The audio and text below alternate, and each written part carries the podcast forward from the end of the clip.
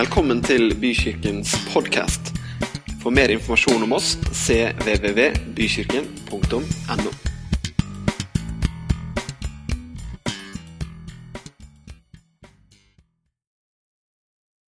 Ja, så fint å få stå her og se alle de glade ansiktene igjen. Det er alltid hyggelig. Jeg skal dele et budskap med dere, da. noe jeg har tenkt på lenge. Jeg får jo veldig god tid til å tenke mellom hver gang jeg preker. Sånn at eh, jeg skal dele om en litt sånn rar tittel i dag, da. Hvis den kommer opp her, så, så kanskje noen syns den er litt rar. Den er i hvert fall veldig rar akkurat nå. Men eh, jeg har, jeg har eh, jeg har et eh, brennende ønske, litt sånn grunnleggende i livet mitt, i forhold til det her med tro. Og det er Og hvis jeg kan hjelpe noen til å få Det går bra. Hvis jeg kan hjelpe noen med å få litt orden på tankene sine i forhold til det å leve som kristen i 2016, så er jeg utrolig glad for det. Jeg har lagt merke til det, nemlig, at de fleste jeg har snakka med, som faller fra troen på Gud, som kanskje har tro, men som slutter å tro på Gud, de gjør ikke det pga. følelser. De fleste gjør det fordi at de har begynt å tenke tanker som, gjør, som tar dem vekk fra Gud. Og det her med Gud og det å leve det kristne livet og hvordan Gud er og hans vesen og Bibelen og alt det her, det blir på en måte veldig sånn ulogisk for dem. Og så detter de fleste detter sakte ifra hvis de faller fra troen på Gud. For noen så kan et frafall skje veldig fort, men for de fleste så er det en ganske lang tankeprosess før man kommer fram til og sier til seg sjøl omgivelsene 'Jeg er ikke lenger en kristen'. Og Det var kanskje litt sånn negativ start på preken. Men altså, jeg har en sånn brann fordi at så ofte når man får litt dypere samtaler med mennesker som er der i livet, så tenker jeg 'Å, du har jo misforstått'. Du har jo bare misforstått Gud. Du har jo, du har, det er jo liksom har du liksom kommet av sporet på troen pga. det? Dette burde vi prate mer om. ikke sant? Og noen ganger så får man jo muligheten til det. Og det er jo fantastisk eh, spennende. Men derfor så er det så viktig, da, for at vi skal leve Vi lever jo i en verden ikke sant, hvor vi lever i en sånn spenning. For nå, Jeg preker fortsatt i serier. Det bare tar litt lengre tid. For det her er liksom del tre av en, en preken jeg hadde i mai. Så du må tilbake på sånn podcast da, for å leite fram de. I mai og juni så talte jeg her. Eh, og jeg, det, En av de titlene jeg hadde, var 'Hva er sannhet?' Det er et stort spørsmål. Hva er sannhet? Det var det spørsmålet som Pontus Pilatus stilte Jesus. For Jesus sa 'Jeg er sannheten'. Har du sett meg? Har du sett sannheten? Og Pontus Pilatus var litt sånn herre Hva er sannhet, egentlig?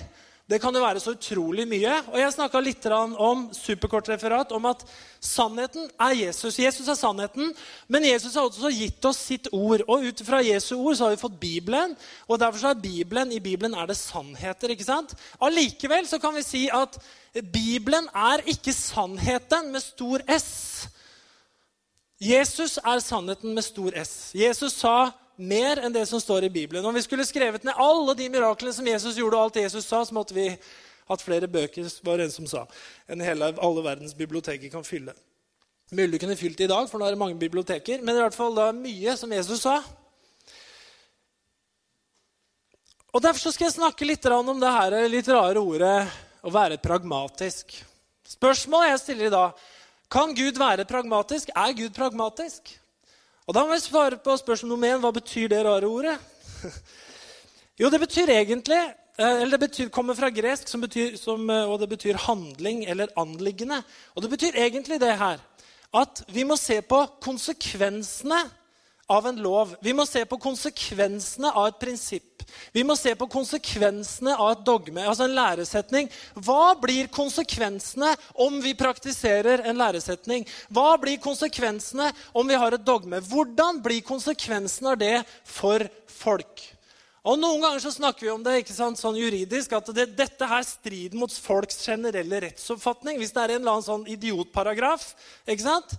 Som er gammelt, som kanskje var aktuelt på 1700-tallet, men som fortsatt gjelder, og så blir det noen rare resultater av den paragrafen i dag, så sier vi at dette strider mot folks generelle rettsoppfatning, for resultatet av det blir veldig rart. Spørsmålet er hvordan er Gud i forhold til det her? vi skal jo forholde oss, vi som kristne skal jo forholde oss til sannhet. ikke sant? Det er noe med det å være kristen og forholde seg til sannhet. Er vi enige i det? Ikke sant? Eh, vi forholder oss til det individuelt. Jeg forholder meg til sannheter som, er, som jeg tenker er viktige for meg. Jeg har, jeg har, noen prinsipper i livet mitt. Det har helt sikkert du også. Kanskje våre prinsipper ligner på hverandre. Kanskje våre livsregler ligner på hverandre. Stor sjanse for det, fordi de fleste av oss som jeg ser her i hvert fall, vet jeg er kristne. Vi henter prinsipper fra Bibelen. Men jeg lever i forhold til det. Men jeg praktiserer jo da det også på familienivå. Jeg praktiserer det overfor ektefellen min.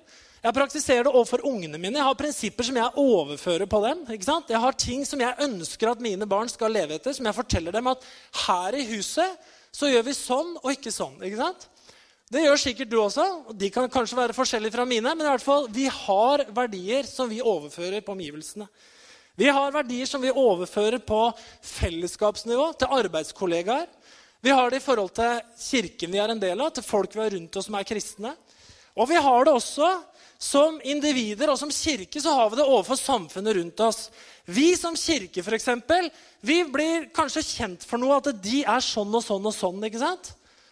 Og da har vi, da har vi noe vi praktiserer overfor samfunnet rundt oss. Men livet det handler i veldig stor grad om å finne balanse.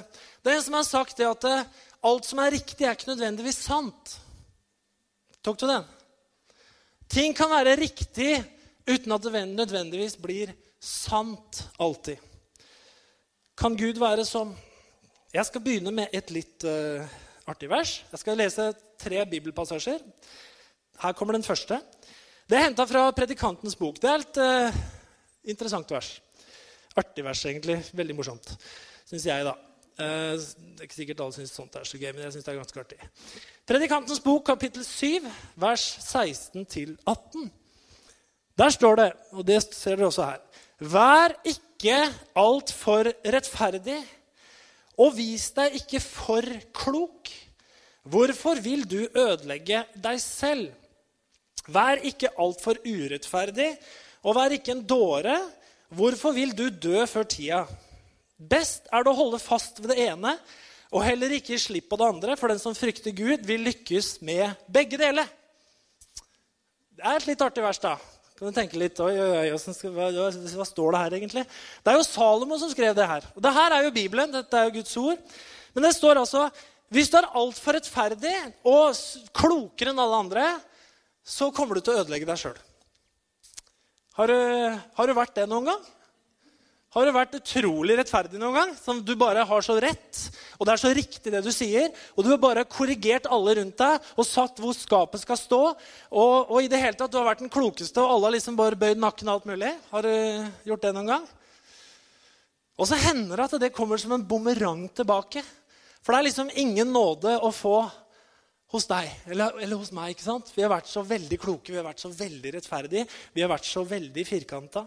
Og spørsmålet er hvorfor vil du ødelegge deg selv? Det som ofte skjer vet du, når vi er så firkanta og så overrettferdige, det er jo det at når det først kommer en dag hvor vi sitter og sliter, hvor vi trenger hjelp, hvor vi har gått feil, da er det kanskje nåde å få hos Gud, men det er ikke alltid like mye nåde å få hos oss eh, fra andre mennesker. Har du merka det? Eller har du kanskje merka det sjøl, at noen har vært superstreit og rettferdig overfor deg en gang? Og satt deg så på plass og vært så korrekt, og du visste de hadde rett, og de hadde så overrett at du bare krøyp av gårde. Og så et par år seinere er det de som sitter i gjørma og har problemer. Da er det noen ganger du nesten kjenner vet som ordtaket sier, 'skadefryd er den beste fryd'. Men det skal man jo ikke gjøre som kristen, altså. Men eh, det kan slå som en bumerang tilbake. Ikke vær altfor urettferdig, og ikke vær en dåre, altså ikke vær dum. Hvorfor vil du dø før tida? Altså Ikke lev på en måte som gjør at uh, livsstilen din ødelegger deg, at det går i stykker. Er jo, jeg jeg syns, jeg syns faktisk det er litt utfordrende. Det er litt, nesten litt sånn mafia, det siste verset her. Best er det å holde fast på det ene, altså rettferdigheten, og heller ikke gi slipp på det andre. Litt urettferdighet, det får gå, liksom. Altså, for den som frykter Gud, han vil lykkes med begge deler. Så kan du grunne litt over det verset hjemme. Men det er i hvert fall det det står. Det som ligger i det, er jo det at i livet så skal man ha prinsipper. I livet så skal man tro på sannheter, skal man tro på Gud. Men noen ganger i livet jeg skal vise deg noen historier, noen ganger i livet så er det sånn at du må flekse litt. altså. Hvis ikke så går det i stykker. Du må flekse litt. Hvis ikke så går det i stykker. Dersom du ble helt stiv, som bokstaven som slår i hjel, så kan du gå i stykker. Og vet du hvorfor jeg forteller det her? Fordi at jeg har sett, jeg har sett mange kristne som har vært de mest brennende, de mest radikale, de mest bibeltro, de som har tatt det lengst ut av alle. Så etter noen år så knekker dem. Så er det ikke noe kristenliv igjen, og de kjører ut helt andre veien. Det livet de levde, ble utholdelig for dem sjøl og for dems omgivelser. Jeg har med meg et par ting her i dag. Jeg har vært i steinbransjen i mange år. Dette er dette hadde jeg på badet mitt i, der jeg bodde før. Men stein Det er noe jeg kjenner jeg skulle hatt den der myggen. ja.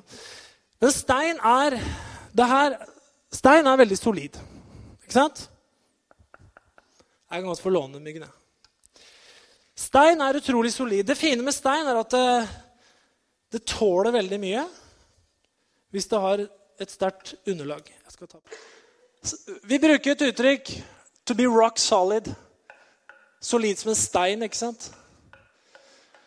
Og stein er veldig solid. Tåler mye på sin måte.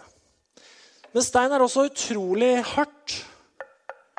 Det er veldig hardt. Og jeg, jeg sammenligner det litt fordi at eh, når vi lever i den verden her, dere, så kommer du og jeg og kirker og alt som er, og vi ønsker å leve for Gud, så kommer du og jeg til å oppleve press.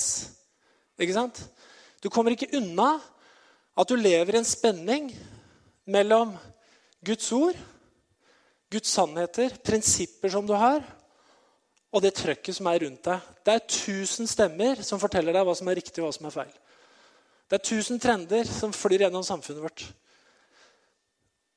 Hvis man er veldig stiv, og det her er disse trøkkene som kommer, så skjer det der. Stein som er så solid, det går i stykker når presset blir stort. Det går i stykker, det knuses. Det blir bare biter igjen. Og det kan skje med troa til folk òg. Fordi man har ikke noe fleksibilitet i livet sitt. Man har ingenting å gå på. Man flytter seg ikke en millimeter på noe prinsipp. Man flytter seg ikke en millimeter på noe praksis, på ingenting. Og så er det enten-eller. Så er det sort-hvitt. Og så kommer det trøkk. Så går det i stykker akkurat som det der. Det er ikke verdt noen ting. Det kan ikke repareres igjen. Det Blir aldri bra. Det her Den liker jeg. Det er et sagblad. Den har en annen indre molekylær sammensetning. Rett og slett. Det som er fint med den Hvis du slår på den Ja, nå datt den ned. Det er litt for dårlige tvinger. Men prinsippet er det her. Den her kan bøyes, og så spretter den alltid tilbake igjen til der den var. Den kan bøyes, og så spretter den tilbake igjen til der den var. Hvorfor det? Fordi at dette sagbladet her, det er fleksibelt. Det sagbladet her, det kan, Hvis det bøyes veldig mye veldig lenge, så kan det gå i stykker. Men det tåler veldig mye press fordi det er fleksibelt. Det morsomme med det her er at når presset avtar, så spretter det tilbake til der det var. Og vet du hva det går an? Å ha prinsipper i livet som gjør at du er i vater. Noen ganger så blir presset stort. Kanskje du må bøye deg litt. Når presset avtar, så er du tilbake igjen. Skjønner du hva jeg snakker om? Du kan ha, du kan stå for noe, men noen ganger så vil omstendighetene rundt i livet Jeg skal prøve å bli litt mer konkret. Jeg trodde en gang, når jeg var veldig ung, så trodde jeg at det å være kristen det handla først og fremst om å leve rett for Gud. I den betydning at når du var kristen, så var det en del ting du ikke gjorde, og en del ting du gjorde. Jeg tenkte liksom Det var definisjonen på at jeg var en kristen. Og Hvis jeg ikke levde sånn og sånn, eller hvis noen ikke levde sånn og sånn som jeg tenkte, da var det ikke kristne, da var de frafalne. Jeg husker en som het Knut, som ga meg en skikkelig lærepenge på det greiene der. Knut han, var, han er død nå. Han døde for mange år siden.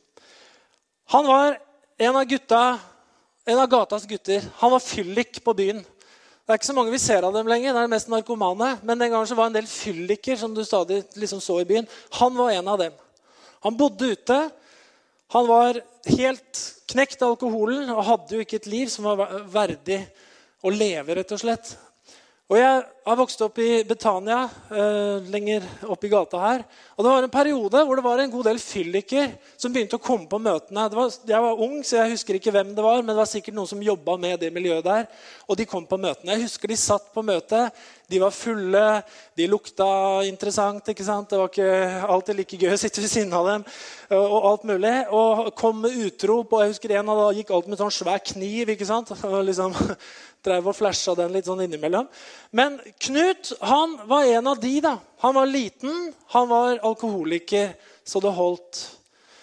Og Alle ville at Knut og de andre skulle bli frelst. ikke sant? Komme ut av det her. Selvfølgelig vil man det. Og Knut blei frelst. Han ble kristen. Han kom til å tro på Gud. Og han fikk hjelp. Og jeg tror, jeg husker at han kom på evangeliesenter og fikk hjelp og kom ut av alkoholen og var tilbake og fortalte at nå har Jesus satt meg fri. Jeg har blitt fri fra alkohol, og nå er jeg liksom på vei til himmelens land. Halleluja. Og det var utrolig herlig. Men Knut, som mange andre som har fått god hjelp og trenger, trenger å få hjelp igjen og igjen og igjen Så Knut havna på fylla igjen. Han var på byen. Like sliten, like møkkete, like full alkohol som han hadde vært. Og liksom, Nå har det gått gærent med Knut. Og så husker Jeg jeg var nede på brygga i Tønsberg eh, en sommer, sommerdag. Jeg tror det var eh, den båten, Elida-båten som var det, en sånn evangeliseringsbåt. Eh, som hadde bryggemøte. Og Så var jeg der nede, og så så jeg Knut da, som satt bort på, på, litt sånn ute på sida der. Og Han satt der, han var sliten, han var helt klart prega av det livet han levde. Og så gikk jeg bort til han. Og så hadde jeg den tanken her at nå er vel Knut liksom Nå er han vel frafallen nå, da. Så jeg spurte Knut. Hva med Jesus, da, Knut? Tror du, ikke, tror du lenger på Jesus, liksom? Og jeg glemmer aldri det blikket jeg fikk av Knut. Han bare kikka på meg, og så begynte tårene å renne. Og så sa han, 'Hva tror du om meg?'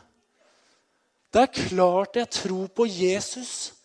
Er du helt men jeg klarer ikke Jeg har så problemer sånn, med alkohol at jeg klarer ikke Jeg klarer ikke å komme ordentlig ut av det.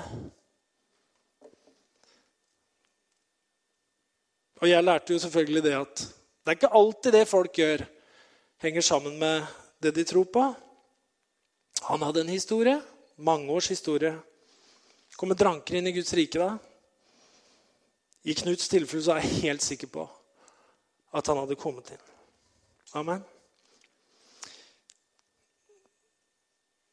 Sånn tenkte jeg. Men Knut lærte meg noe annet. Jeg skal lese den andre bibelteksten, og den er henta fra Matteus 12, 1-8. Det er Jesus som er ute og går med disiplene. Det er sabbat, og det står som følger. På den tiden tok Jesus veien langs kornåkrene på sabbaten. Disiplene hans var sultne og ga seg til å plukke aks og spise. Fariseerne eh, så det og sa til ham, 'Se der! Disiplene dine gjør noe som ikke er tillatt å gjøre på sabbaten.' Men han svarte, 'Har dere ikke lest hva David gjorde da både han og mennene hans ble sultne?'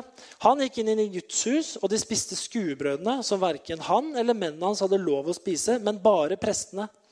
Eller har dere ikke lest i loven at prestene hver sabbat bryter sabbaten i tempelet og allikevel er uten skyld? Men jeg sier dere, her er det som er større enn tempelet. Hadde dere skjønt hva dette ordet betyr, det er barmhjertighet jeg vil ha, ikke offer. Da hadde dere ikke dømt dem som er uten skyld, for menneskesønnen er herre over sabbaten.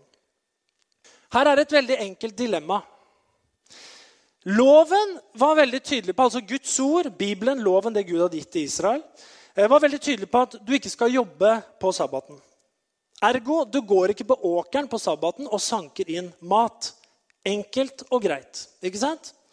Så tar Jesus veien om langs åkrene. Det er Jesus som velger den veien der. Og disiplene er sultne. Magen sier 'Jeg er sulten'. Øynene sier 'Der ligger mat rett her', som bare liksom et par meter unna. Og da er jo spørsmålet som kommer opp, hva skal vinne i denne situasjonen? Skal loven, Guds ord om at man ikke skal ta inn mat på sabbaten, jobbe for mat på åkeren på sabbaten, gjelde? Eller skal magen vinne? Svaret her var at magen vant. Og fariseernes svar var at det er loven som burde vinne her. Men Jesus sa, han måtte ha sagt det det er greit. Det blir for dumt. Hvis dere er sultne, at dere ikke skal kunne ta litt og spise av det som bare ligger langs veien her. ikke sant? Når dere først er sultne. Men han kunne jo ha sagt hør nå, karer, det er et lite offer å be om å være lydig for Gud og klare å være sulten en time til. Det må dere kunne klare for å holde Guds ord. Han kunne ha sagt det, men han gjorde ikke det. Men Jesus sier det at det er en annen prinsipp som veier tyngre, tyngre. Og han sier at barmhjertighet veier tyngre enn det lovbudet som dere kommer med i denne sammenhengen. Fordi at Loven den kom ikke til for Guds skyld. Loven kom til for menneskets skyld. Grunnen til at Gud hadde innstifta sabbat, var ikke fordi at han skulle bare ha en regel for å ha en regel. Nei, det var for å hjelpe oss mennesker til å hvile. Gud visste nok veldig godt at vi trenger hvile ikke sant? for å fungere bra. Gud visste at vi er helt sikkert kapable når vi kommer inn i racet og jobber sju dager i uka og aldri hvile. Derfor så innstifta Gud sabbaten.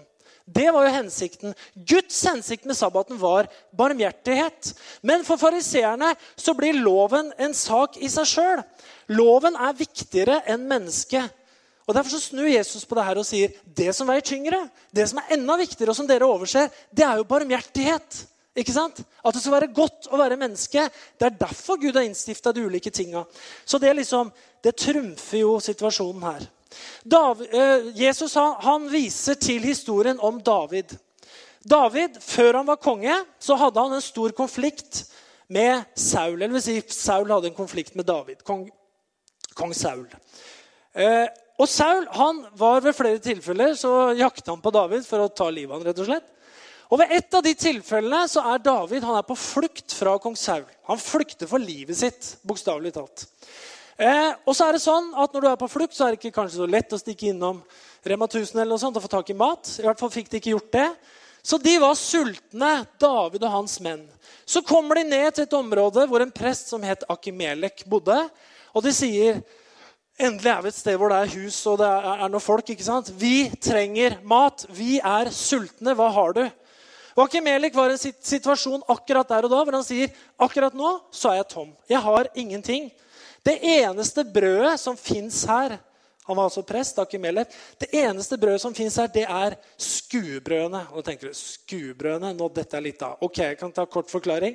Skuebrødene de ble bakt av eh, prestene som var av eh, Arons eh, levitenes stamme.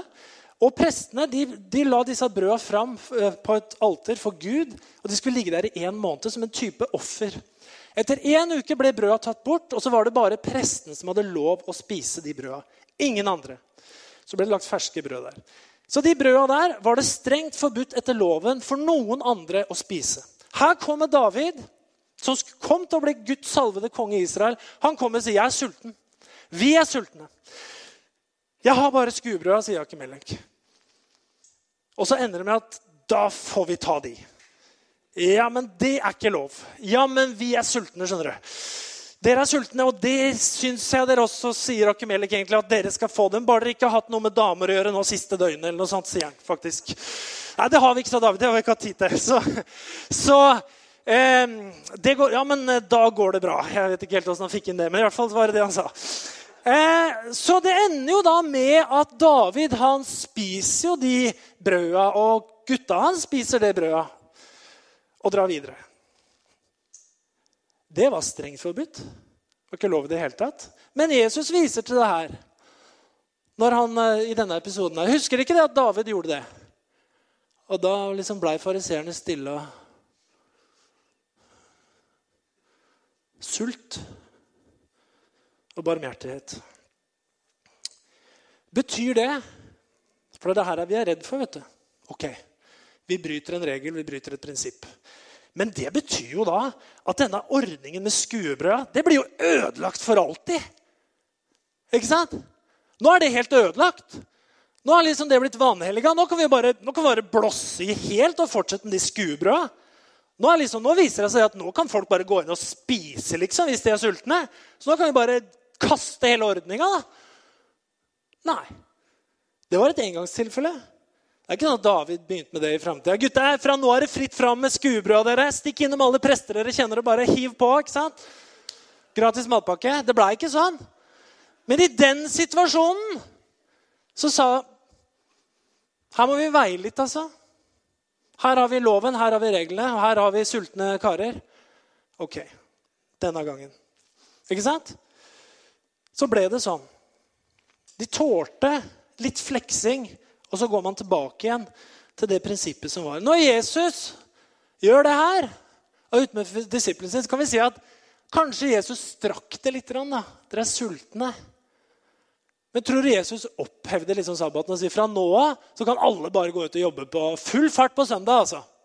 Nei. Neste, søndag, neste lørdag var det forresten, så var det kanskje sånn. Vi holder sabbaten, karer.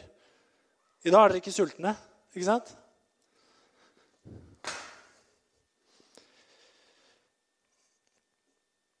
Enkelte ganger så er det ett prinsipp som vinner over et annet prinsipp.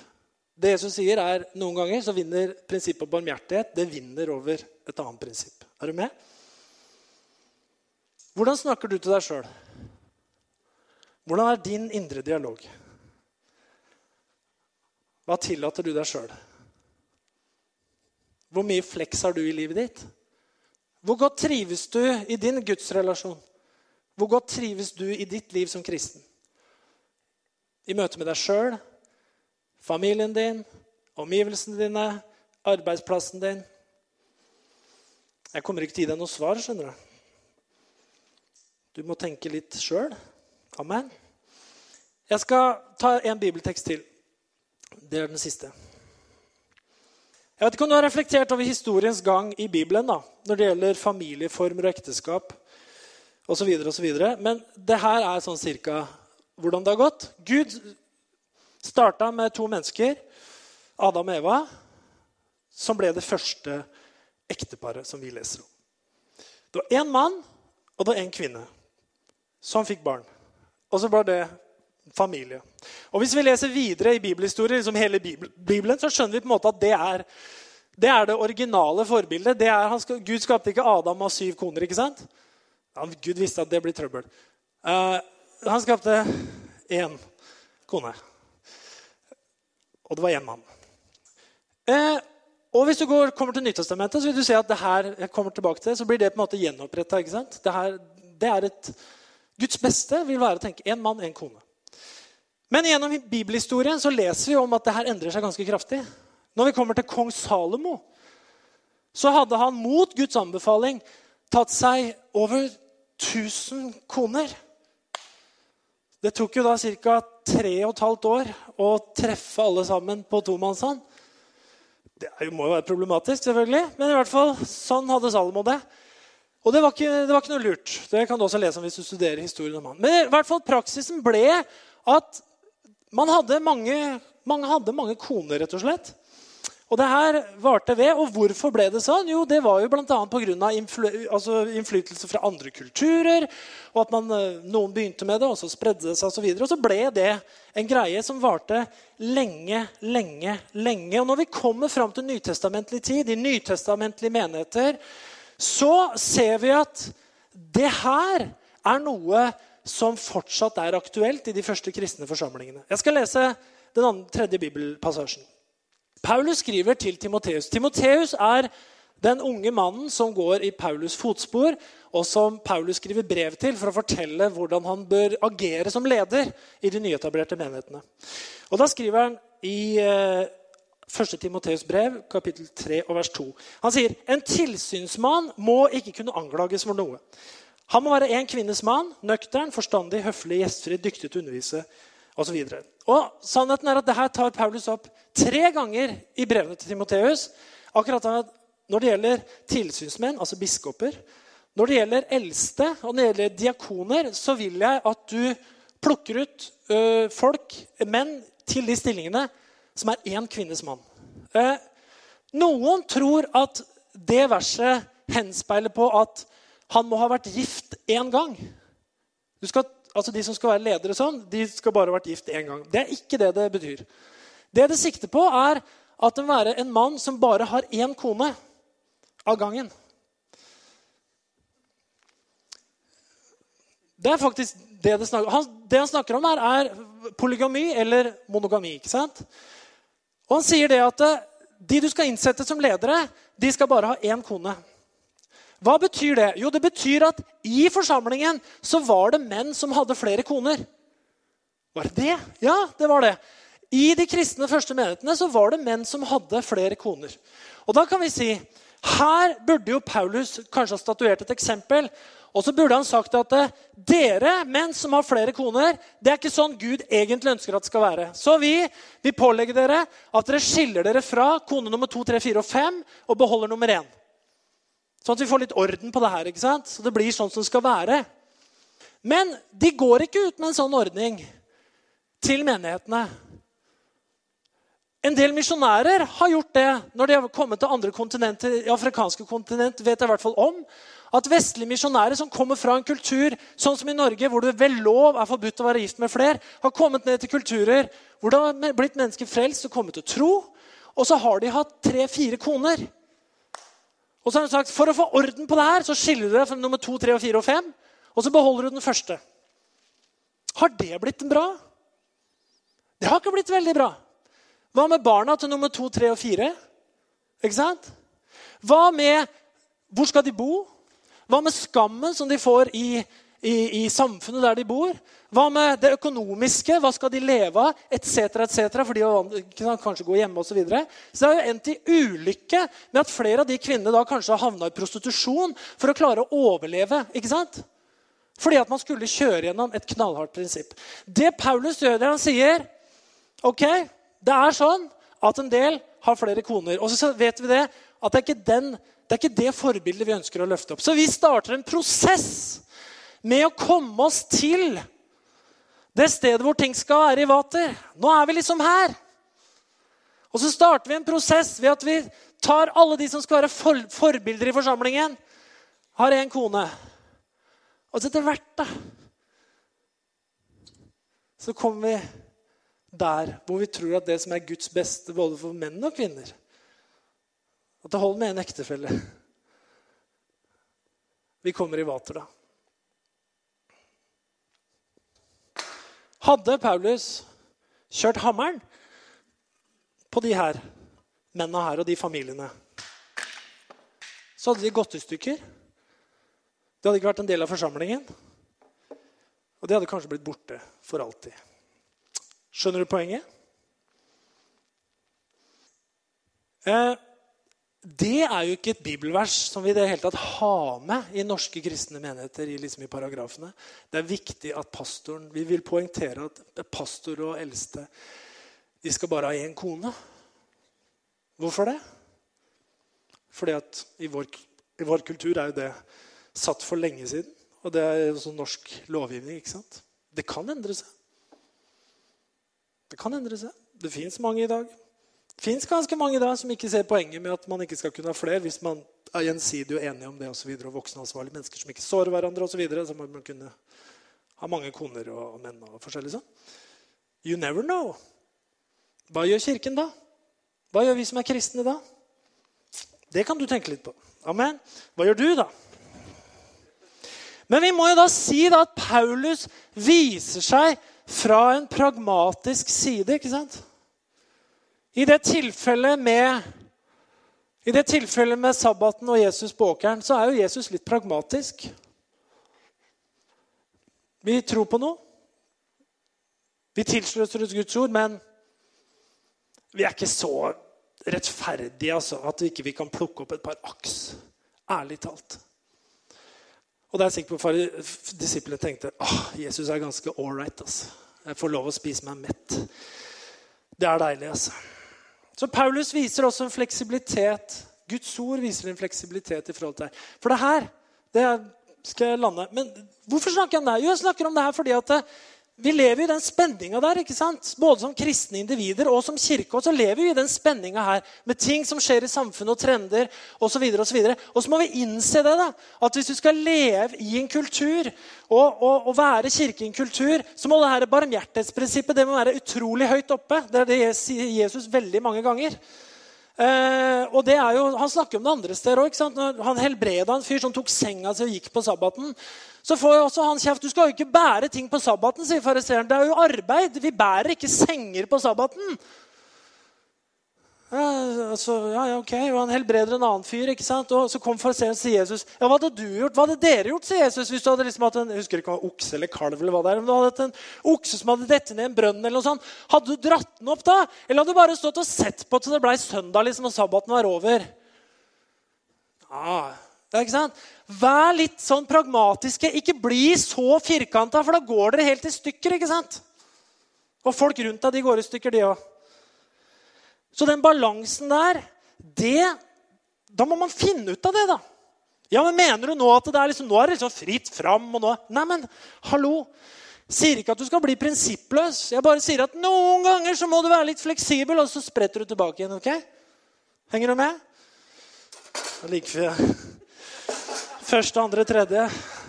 Budskapet er solgt til et par stykker her. Ja.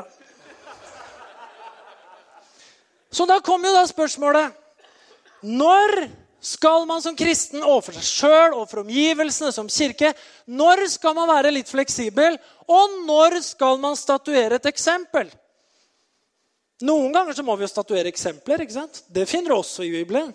Jesus statuerer eksempler. I den første menighet de statuerte eksempler. Men når skal du gjøre hva? Det kan ikke jeg svare på.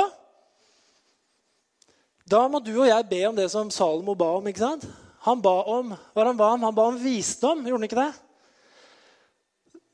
Og det er fint å tenke på. For hvis, hvis, du bare hadde helt sånne knallharde, firkanta, totalt ufleksible regler som var helt, som folk sier, meisla i stein, ikke sant?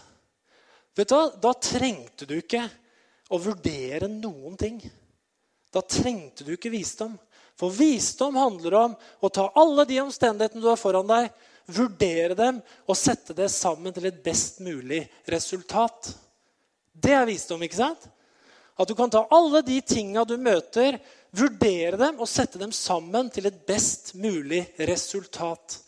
Da må du og jeg bruke visdom. Og det er ikke farlig faktisk. Det går veldig bra. Prøv, skal du se. Nei, eh,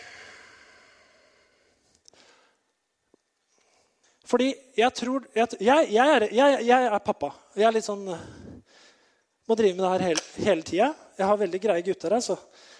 Men eh, Jeg har ikke tenåringer engang ennå. Men det er med grensesetting, da. Hvor mye, skal, hvor mye skal man tillate dem å finne ut sjøl? Og hvor mye skal jeg fortelle dem eller sette grenser for dem som de bare ikke kommer over? Fordi jeg vet noe som ikke de vet.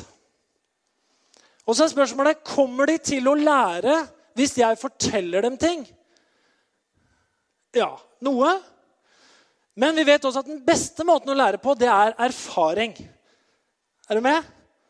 Så hvor mye skal jeg slippe dem ut i all dumskap? Klart de kommer til å gjøre dumme ting. Alle unge mennesker gjør dumme ting. Og når vi voksne gjør det òg, så kan du tenke deg hvor mye dumt de unge gjør. Nå ble de unge litt sur her. Men hvis du er ung, så kommer du til å gjøre dumme ting. Sånn er det bare.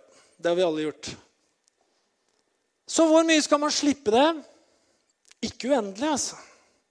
Men jeg innser jo at jeg kan ikke bare sette veldig stramme grenser på alt og bli et sånt forbudshjem. Hva ender da? Ungene er aldri hjemme. Det er alltid andre steder. er de ikke det? For Der får vi lov til, og der får vi lov til. Men her gidder vi ikke å ta med kamerater hjem. ikke sant? Jeg vil gjerne ha huset fullt av unger. For da kan jeg kontrollere hva de holder på med. Ja, Men det er en balansegang, altså. Men sånn er det jo med alt da vi holder på med. Det er den balansen. Politikere holder på med akkurat det samme med samfunnet vårt. Altså hvor Ikke sant? Det har vært fint å var frivillig å betale skatt. Betal det du kjenner for, liksom. Vi satser på rettferdighetssansen din, solidariteten din. Det går liksom ikke helt. Vi trenger begge deler, ikke sant? Men det å finne balansen, det må vi gjøre ikke sant? For at, det her, for at det her livet skal fungere. Nå skal jeg avslutte med en kort historie. Det synes jeg er veldig interessant. Når jeg vokste opp, så hørte vi altså om fristaden Kristiania i København. København. Hvor det var fri flyt av narkotika, og det var liksom bare hippie generation. Det var min foreldregenerasjon da, ikke sant? som råda grunnen der. 68-erne. Alt var fri flyt, og de skulle ikke ha noen regler, og de skulle ikke ha noe politi, de skulle ikke ha noe øvrighet. Alle skulle være med å bestemme på allmøter, og alt var dønn flatt. ikke sant? Og det var, det var helt, det, ting skulle være helt fritt, og det var helt fritt. Og de som begynte med det, de elska frihet, og de elska mennesker, og de elska fellesskap, og de elska liksom bare love and peace. ikke sant? Så så jeg en dokumentar vet ikke om du har sett den, men det var en dokumentar som gikk på NRK for en stund siden. ligger tror jeg, på nett-TV-appen deres, eh, Som handla om barna til den generasjonen. Det var interessant. Hva slags frukter hadde de høsta? De hadde noen leie historier å fortelle. oss. Mamma og pappa som ikke passa på det fordi man tenkte storfamilie. Alle voksne passer på alle barn. Alle barn tilhører alle voksne omtrent. Mamma og pappa som var rusa hele tida, nesten noen. ikke sant? Overgripere som kom inn i miljøet og kunne få lov å lett tilgang til barna fordi at alt var åpent og fritt. Folk som døde av misbruk. Barn som ikke ble tatt vare på osv. Det var ganske mange vonde historier. Men det var fortsatt ganske lovløst. Mange av de flytter ut av Kristiania. Noen blir. Nå er barnebarna En del av barnebarna begynt å bli store. Bor i Kristiania. Den uka her Jeg vet ikke om du fikk med nyhetene, men den uka her så river innbyggerne, neste generasjon i Kristiania, i København, de river alle hasjbordene i Pusher Street den, gata, i den uka her. Det har tatt lang tid. Men nå har det kommet til et punkt at nå var det skyting i forrige uke. En ble drept. Nå er det nok. Nå har den livsstilen her kjørt oss så langt ned. Nå orker vi ikke mer. Nå går vi sammen. Nå river vi hele Pusher Street. Alle hasjbodene skal ned. Alle bulene skal vekk. Og det er spørsmålet, da. Burde noen ha påtvunget dem det, det mye før? Ja, kanskje. Men til syvende og sist, om man lever lenge nok utafor det Guds ord sier, så gjør det så vondt at du forandrer det. Ikke vær altfor urettferdig. Hvorfor vil du dø før tida? Ikke sant? Det har sin pris. Derfor så tror jeg da, at som kristen så har vi Bibelen. Vi har Guds ord. Det er virkelig Guds ord. Og så har vi samtidig møte med oss sjøl, med mennesker og alt mulig. Så møter vi Jesus, da. Hvor han sier at sannheten er ikke et bud, men det er meg. Bokstaven slår i hjel, men ånden gjør levende. Her må du leve, ikke sant? Så det her er et bra bilde. Sånn kan det være. Henger du med? Jeg veit ikke hvor du er i livet ditt, men som jeg sa Jeg har møtt ganske mange kristne som plutselig bare bryter med alt av tro og alt sammen. For de er så strenge med seg sjøl. Det kan godt hende du sitter her i salen du er så streng med deg sjøl. Du har ingenting å flekse med livet ditt. Og tråkker du feil en gang, da er det bare å stikke fra alt. Sånn er noen mennesker når det gjelder trening også. Jeg har bestemt meg for å trene. Jeg skal trene tre ganger i uka. Jeg har nyttårsforsett. ikke sant? Jeg trener tre ganger i uka i januar, jeg trener tre ganger i uka i februar, jeg trener tre ganger i uka i mars. Så kom jeg til mai, og så røyker jeg to treninger på én uke. Nå har jeg bare trent én gang. Nå gikk alt i stykker. Nå, bare blåser, nå blåser jeg alt av trening. Eller du skal slanke deg. ikke sant? Du skal spise 1700 kalorier om dagen. Og du spiser 1699 kalorier hver dag ikke sant? og er kjempefornøyd. Og så en dag så blir du bedt bort i et eller annet selskap, og så, oi, så sklei du opp på 2000 kalorier. Nå kan jeg like godt blåse i alt sammen! Nå er alt ødelagt! Nå er jeg bare hive alt sammen. ikke sant? Du er så streng med deg sjøl. Det er noen av dere som er litt sånn. er ikke det? Enten eller. Svart-hvitt. Lykkes eller mislykkes. Du må være litt fleksibel. ikke sant? Det trenger du å være, faktisk. Jesus var faktisk det. altså. Så her har du en skikkelig oppskrift på det i dag. så håper jeg du kan ta med deg det. Jeg har lyst til å be. Herre kjære Jesus, jeg takker deg for at du var sant Gud og sant menneske. Takk, Herre Jesus, for at du var sannheten. Og takk, Jesus, for at du kom for å vise oss hvem Gud virkelig var. Jeg takker deg, Jesus Kristus, for at du elsker hver eneste en av oss. Du kjenner vår livssituasjon. Du kjenner hvor vi er i livet, Herre. Du kjenner de utfordringene hvor kanskje vi blir pressa i vårt liv og er på kanten, på grensen i forhold til hvor vi ønsker å være i forhold til omgivelsene. Herre, jeg ber om at du skal gi oss visdom, hver enkelt av oss. Og som kirke, og som fellesskap, og som familiemennesker, som voksne, som barn, som kollegaer, som venner, til å leve i en visdom, Herre. Jeg priser deg for det, Jesus. Og så ber jeg at du hjelper oss å se opp til deg, Herre på det sanne forbildet som du var. Se på dine historier, Herre, så vi kan leve et liv i pakt med din vilje, Herre. Jeg takker og priser deg for det. I Jesu mektige navn. Amen. Tusen takk for oppmerksomheten. Jeg håper jeg du fikk noe ut av det. Jeg tar med hammeren min ned igjen.